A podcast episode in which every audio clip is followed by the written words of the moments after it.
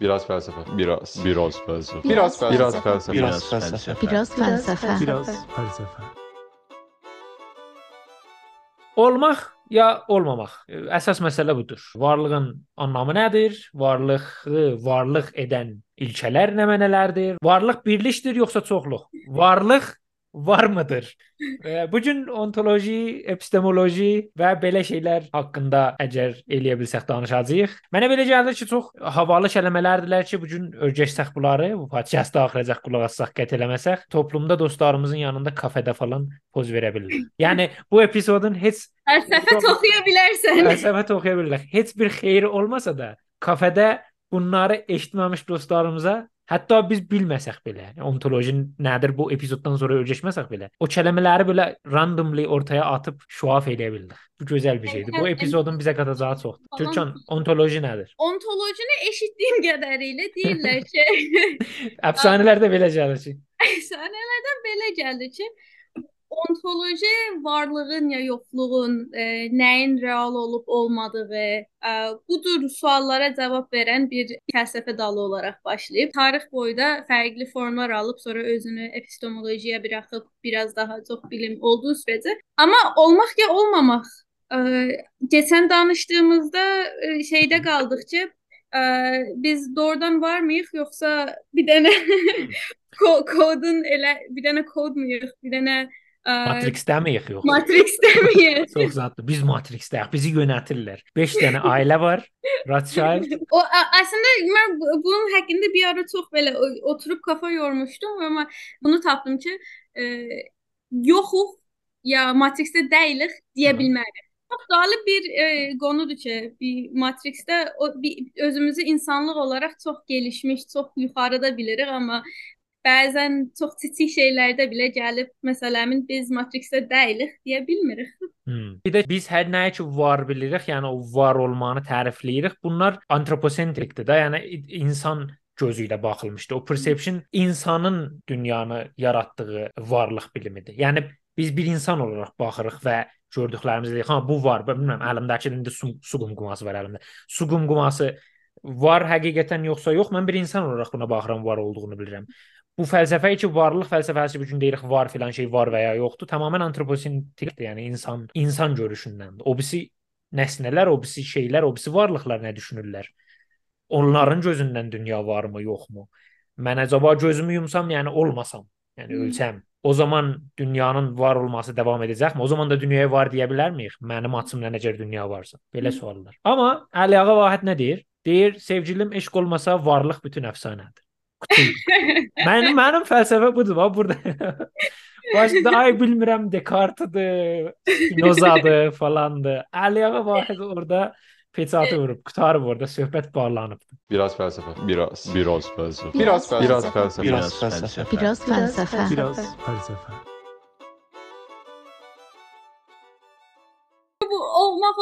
məsələsi deyəndə mənə e, bu konspirasi teorisi vardı ki, Shakespeare-ilə bağlı Shakespeare deyə birisi yoxmuş əslən. E, Məsələn, bu özü bilə məncə bu varlıq olmaq olmamağın çox gözəl bir dənə örnəyidir. Məsələn, mən e, deyək Shakespeare əslən yox imiş. Bunları a- ayrı bir adam yazıbdı ya bir qrup məsələn Illuminati yazıbdı. ya nə bilim ayrı bir şey yazsa belə məncə çox rahat bunu e, burada e, argüman eləmək olar ki, Shakespeare vardı. Niyə? Çünki dünya inanır ki, Shakespeare vardı. Get sən soruş, nə bilim, e, get e, Fransaya Tisipidən kəndə, get Urmiyaya kəndə soruşsan Romeo Juliet-i kim yazıb? Deyəcəkdi Shakespeare yazıbdı. Bütün dünya inanır ki, Shakespeare yazıbdı. Deməli Shakespeare adında bir kişi olmasa belə Shakespeare vardı. Urmiyanın chatləri də elitdir. Urmiyanın yaxınından olan Əlində də oxurlar Shakespeare-e. Sulduzun chatləri haqqında eyni şeyi bilmirəm deyə bilərəm yoxsa yox, amma Urmi chatlərinə ə, həqiqətən özəndim. Aa, Urmiya çox baklaslı bir Eşə, Amma Bakilas olmasa da o perception var ki, bakilasdılar. At, ay sağ ol. Olmasa da o İranın Parisi deyirlər ha. o olduğu için vardı. Mini Paris. E, nə deyir? John Locke deyir ki, bir şeyi var olduğunu bildiyimiz, bilməmiz üçün iki dənə e, onun nitəliklərinə, özəlliklərinə baxırıq da.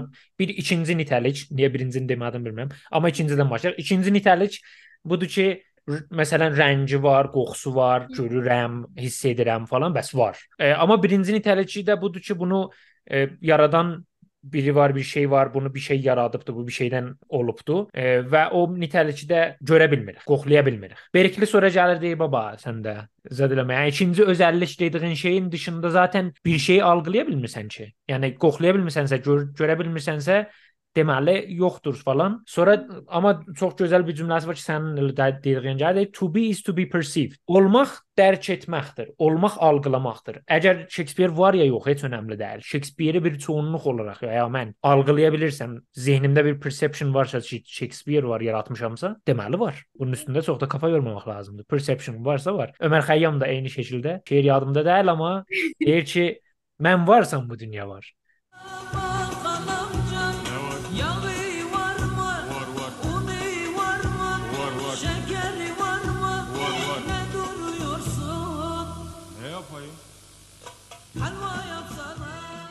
Bu ontolojidən varlıq Renesansacaq çox üstündə kafa yorulan, e, bu metafizik e, dediyimiz alanda çox kafa, amma metafizik nə mənadır? Onu da bir danışaq.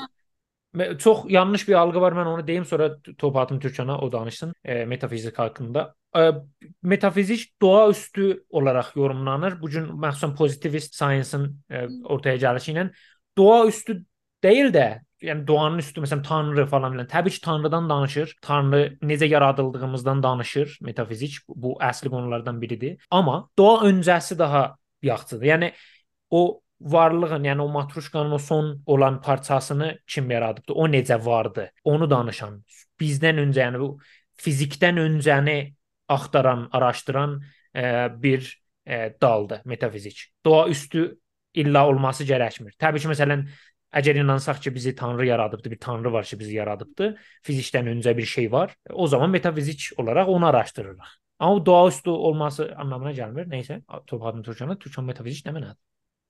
Metafizik elə ə, epistemolojini, ontolojini qavrayan biraz daha böyük o ə, çətir bir ə, terimdir ki, işlənir. Metafizik təbiətin və ya reallığın əsası nədir? Hardan gəlir? Məsələn, bir bir, bir nəfər ki gedir ə, fizik oxur, məsələn, deyək Big Bang-i araşdırır, o əslində fe- metafizik oxur. Hmm. Ya ya o o o biraz daha böyük ə, baxış açısı ilə baxır. Bu onları araşdırdığı üçün də bəs o da metafizik hesab olur, düzdür? Pure O da- belə ya pozitivist science-dır, yox biz burada science yapırıq. O da teori olduğu üçün metafizikdir. O da o da metafizikdir. Fərq Doğa eləmir. O, o doğa öncəsi olduğu üçün o da metafizikdir. E, Səncə hardan gəldiyimizə baxsan da, məsələn bu dünyanın insanlığı keçdim hələ. Məsələn bu günün, nə bilim, o o Marsın hardan Mars hardan gəldi? Məsələn Andromeda qalaksiyası hardan gəlir? Hələ bizi Samanyolun keçdim. Yəni bunların hamısı metafizik olur və ontoloji də bunun altında olan ə, ayrı bir qavramdır ki, deyir varlıq özü nə mənadır birincisi və e, epistemoloji də gedəndə deyir ki, e, biz bildiyimizi hardan bilirik? Bilgilərin hamısı hardan gəlir? Məsələn Aristotel bunun üstündə çox durur ki, biz nə bilirik və tamam, deyək məsələmin mən bilirəm Sina, sənin adın Sinadır. Hardan bilirəm? Hmm. Hardan Sinə- bilirəm? Mənə, hardan bilirəm? Sən mənə deyibsən də, bəlkə sən mənə yalan danışıbsan, bəlkə sənin adın Sinədə Murtəzadır, hardan bilirəm? Bilginin bilgi olduğunu nə cür təsbit edirik? Məsələn, yalan Aynen. yalan olsa aca- acaba ona da mı bilgi deyirik, yoxsa demirikmi? Fərqli fəlsəfə məktəbləri bunu fərqli hətta yorumlayır, deyilmi? Bilmirəm, bilmirəm, bəlkə elədir. O, Yalan o bilgi də bilgi mi acaba məsələn? Burada ə, biraz gəlirik o induktiv metoda girir ki, məsələn, bildiyimizi hardan bilirik? Ya məsələn, bilimsel metod nə mənadır? Ə, Bunun haqqında məncə ə, daha sonrakı epizodlarımızda daha çox ətraflı danışa bilərik. Zorunda Ə, qalacağıq zaten. İndi bu bu bu epizodun sadəcə amacı odur ki, insanlara cool olmağı öyrədəcək. Nə cür fəlsəfə bilmədən fəlsəfə terimlərini işlətməyi öyrədəcək. Siz də kafedə falan dostlarınızın yanında etkinliklərdə belə randomly ata bilərsiniz ki. Ontoloji haqqında 3 dənə kəlmə öyrətdik də. Bir epistemoloji, bir ontoloji və onların ə, atası, dədəsi, maması, ə, və metafizik. bunu heç də lazım deyil anlamına bilərsiniz. İşlədin getsin. İşlədin Hadi getsin. get. Yüksək ehtimalla yanınızdakı da anlamını bilməyəcək. Var varlıqdan varlıqdan danışdıq, amma ancaq varlıqdan danışanda, ontolojidən danışanda hamı da məncə bunu bilməlidir ki, düşünürəm, buna görə də varam. O Varam. Descartes-in ən ən ə, məşhur sözü, ə, yəni Descartes-i tanımasa belə biri hə, bilirəm ki, varım, düşünürəm ki, varam. Cogito ergo sum. Deyir ki, düşünürəm, bəs varam. René Descartes deyir. Düzdür. René Descartes deyir ki, cogito ergo sum. Sinanın da dediyi təkin düşünürəm ki, varam. Varam. Cogito ergo sumu açıqlamaq istəsək düşünürəm sonra varam. Nə demək? Yəni nə düşünürəm sonra varam? Məncə nəfəs alıram, bəs varam.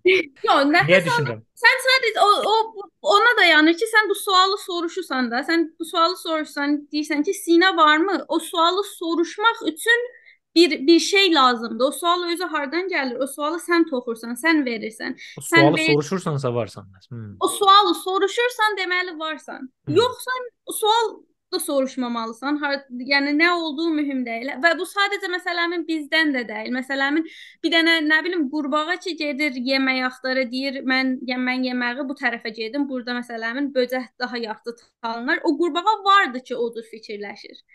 Yoxsa heç nə böcək danışığı olardı, nə yemək tapma danışığı olardı, heç bir şey olmaz. Var olduğumuzu ən çox sorğuladığımız an evdə bir şeyin qırıldığı an və anamızın üstünə üstünə hücum etdi. Mən niyə varam? Keşke olmayaydım.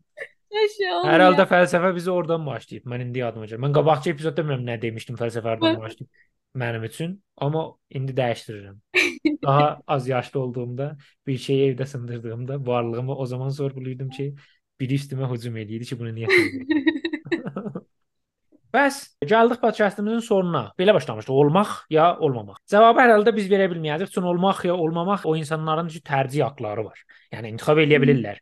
Olmaq və ya olmamaq öz əllərindədir. Varlı bir insan məsələn. Bizim kimi kasıbların olmaq və ya olmamaq bir bir sual deyil, bir qəza qədərdir. Alnımıza yazılmış hər nə varsa onu yaşayırıq. Pulu olan insan intixab edir ki, ola, olmaya, var ola, olmaya. Bir də xoşlasaq ölüb gedəcək. Pulumuz Vəssalam. yoxdur ki, gedək. Dəqiqən mən seçmirəm ki, olamıyor olmaq. Deyir məsələ budur.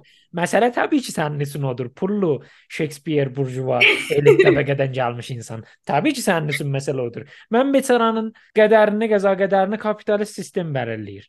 Sən üçün- sübdən axşama gedib çörək dalında qaçmalısan ki, bir, bir qarnını doyuracaq, bir doyuracaq bir, bir, bir şey gətirə biləsən. Yoxsa qarnını doyuramasan hardan tapıb olub oturasan gecələri fikirləşəsən ki, biz də oradan varmıyıq? Yox. Va- Varmıyıq, yoxmu? Onlar şey pul məsələsində Arşin Malalan şeyləyim son cavabı qoyur, deyir ki, pulum var, gələrəm. Var var. Var var. Yolundan gələrəm, Bilirəm gələrsən. belə-belə yarımsan. Belə belə canımsan.